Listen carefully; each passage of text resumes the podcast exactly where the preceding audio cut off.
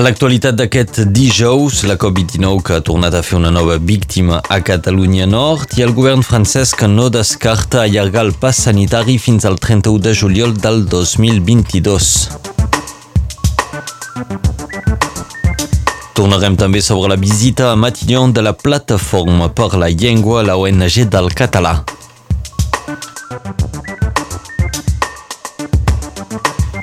I avui també sabrem si el presumpte assassí de Baren Brits podrà ser jutjat eh, davant d'un tribunal.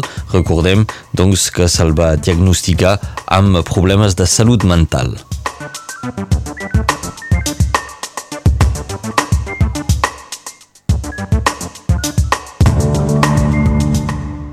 La Covid-19 va fer una nova víctima ahir a l'Hospital de Perpinyà. És la primera des del passat 8 d'octubre.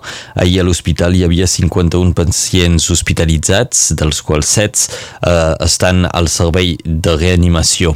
Aquestes xifres es mantenen estables. És el cas també de la taxa d'incidència, que es manté per sota dels 27 casos per 100.000 habitants. Actualment, un 80,2% de la població ha rebut almenys una dosi del vaccí.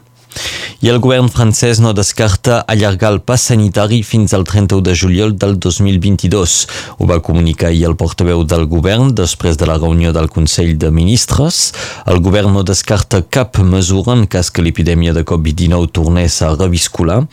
El govern també replanteja sancions més dures contra la falsificació del pas sanitari amb penes de 5 anys de presó i 75.000 euros de multa.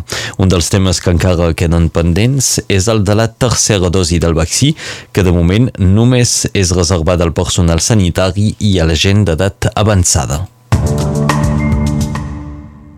La Plataforma per la Llengua és l'ONG del català, és l'entitat que treballa per promoure la llengua catalana com a eina de cohesió social. Aquest dimarts, una delegació de la Plataforma per la Llengua va ser rebuda a Matignon pel cap del Pol Educació, Ensenyament, Recerca, Joventut i Esport del gabinet del primer ministre Jean Castex. Una trobada per proposar mesures per fomentar el català i per enfortir les relacions transfrontereres. Aquesta delegació de, de la Plataforma per la Llengua va ser encapçalada pel president de l'entitat, Òscar Escuder. El primer objectiu era, d'alguna manera, recordar-los i insistir-los que som aquí, que no pensem recular i que el català i les altres llengües eh, regionals de França i els seus parlants mm, tenen els seus drets i que, i que hem de millorar la situació i que pensem que en aquest moment s'ha d'aprofitar el, el fet de tenir un, ten, ten una assemblea que recentment va votar a favor de la llei Molac, com aquest cert aire de simpatia, diguéssim, com a mínim, que sembla que corre més o menys per, no sé si per tot el territori francès, però com a mínim pels llocs on hi ha llengües minoritzades. El missatge bàsic que podríem dir que ens van transmetre és que estan també eh, dins d'aquest, diguem-ne, corrent de, de, de simpatia per les llengües eh, regionals, però no només, diguéssim, simpatia etèria, que amb això no fem res, sinó que, que tinguéssim claríssim, segons pròpies paraules, que, que res no aniria enrere i que a partir d'aquí eh, buscarien la fórmula perquè es pogués millorar la situació. Era Òscar Escuder, el president de la Plataforma per la Llengua. D'aquesta trobada no n'ha sortit cap anunci concret. La plataforma té clar que el veritable pas endavant per les llengües dites regionals seria una modificació de la Constitució. Mentre no sigui possible, la plataforma planteja altres vies per millorar la situació del català, en particular pel que fa a l'ensenyament i l'estudi d'opinió favorable a Louis Alió que va publicar el diari municipal al mes de juliol aixeca sospites.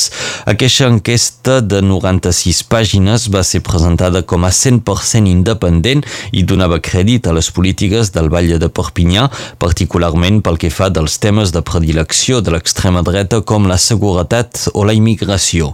Donc, segons publica avui l'Independent, l'Institut d'Estudi d'Opinió que ha realitzat doncs, el treball seria dirigit per Christophe Gervasi, un home pròxim al Rassemblement Nacional i desconegut en el món dels instituts de sondatge.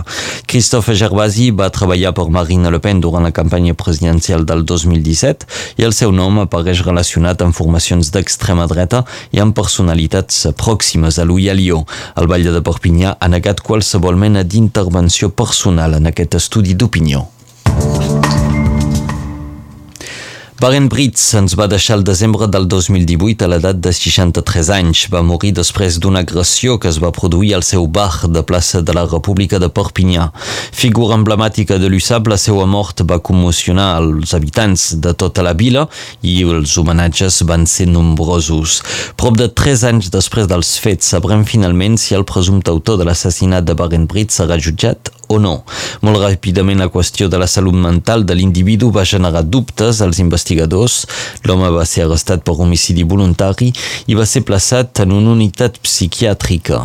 La fiscalia considera per tant, que el presumpte autor dels fets no pot ser jutjat, una decisió que rebutja totalment la defensa de la família de Baren Brits.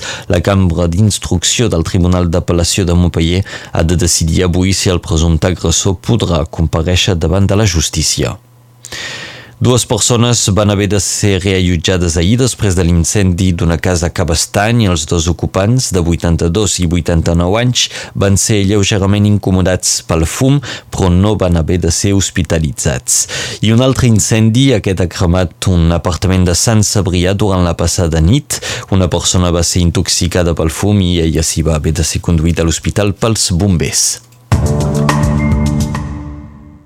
La revista d'història Sapiens organitza aquest dissabte el Dia Sapiens. Es tracta d'una trobada pensada per tots els lectors i subs subscriptors de la revista al voltant d'activitats i de temàtiques evidentment relacionades amb la història. Radio Arrels col·labora cada mes amb Sapiens per presentar-vos el contingut de la revista. Avui la directora de publicació, la Clàudia Pujol, nos presenta aquesta festa dels Sapiens. El Dia Sapiens és, és la festa anual de la revista, que és bueno, un dia, jornada perfecta en la que volem doncs, aplegar col·laboradors, lectors i seguidors de, de la revista en algun indret concret del país no? per poder fer diverses activitats relacionades amb, amb la història, amb el patrimoni, amb la cultura. No? Uh, enguany ho fem a, a Olèrdola, no? al Penedès, i la coincidència que ho fem allà és també perquè aquest any fa, és el centenari no? que l'Institut d'Estudis Catalans va començar a fer unes primeres excavacions a, eh, en aquest jaciment arqueològic no? i aquestes excavacions van ser el punt de partida d'una doncs, investigació que és una de les recerques doncs, més importants que, que s'ha fet en aquest país. I a part, evidentment, doncs, de conèixer aquest jaciment, el Dia Sàpiens doncs, creiem que és una, una bona ocasió no? perquè lectors de, doncs, tot Catalunya coneguin el patrimoni també dels, dels voltants d'Olèrdola, de Moja, de Vila de Llops, algun dels personatges històrics eh, més importants de la zona, no? i també doncs, és un dia doncs, que hem preparat moltes activitats, eh, tallers infantils, degustacions de vins, eh, sortides, passejades, tallers, tenim eh, bé, moltes coses per gaudir tots plegats de, de la història en uns moments que, bueno, que sembla que ens podem començar a retrobar de nou.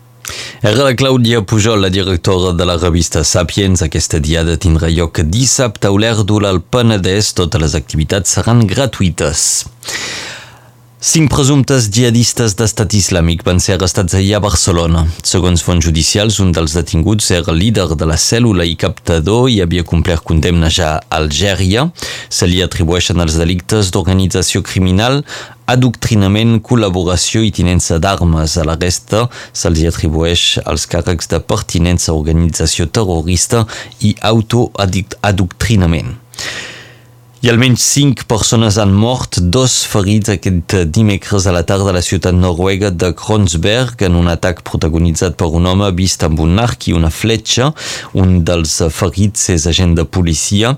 De moment es desconeix el mòbil de l'atac. La policia ha anunciat que investigaran els fets com un acte terrorista.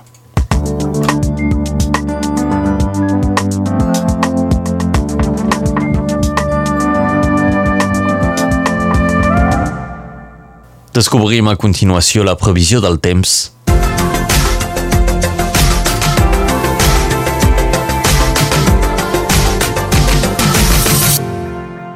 La principal notícia del dia pel que fa al temps és la desaparició de la tramuntana. El vent avui passa a ser marinada fluixa, amb ràfegues que no haurien de passar dels 15 km per hora a qualsevol punt de Catalunya Nord. Aquest dijous tenim un ambient suau, amb temps ben assolellat i cel serè.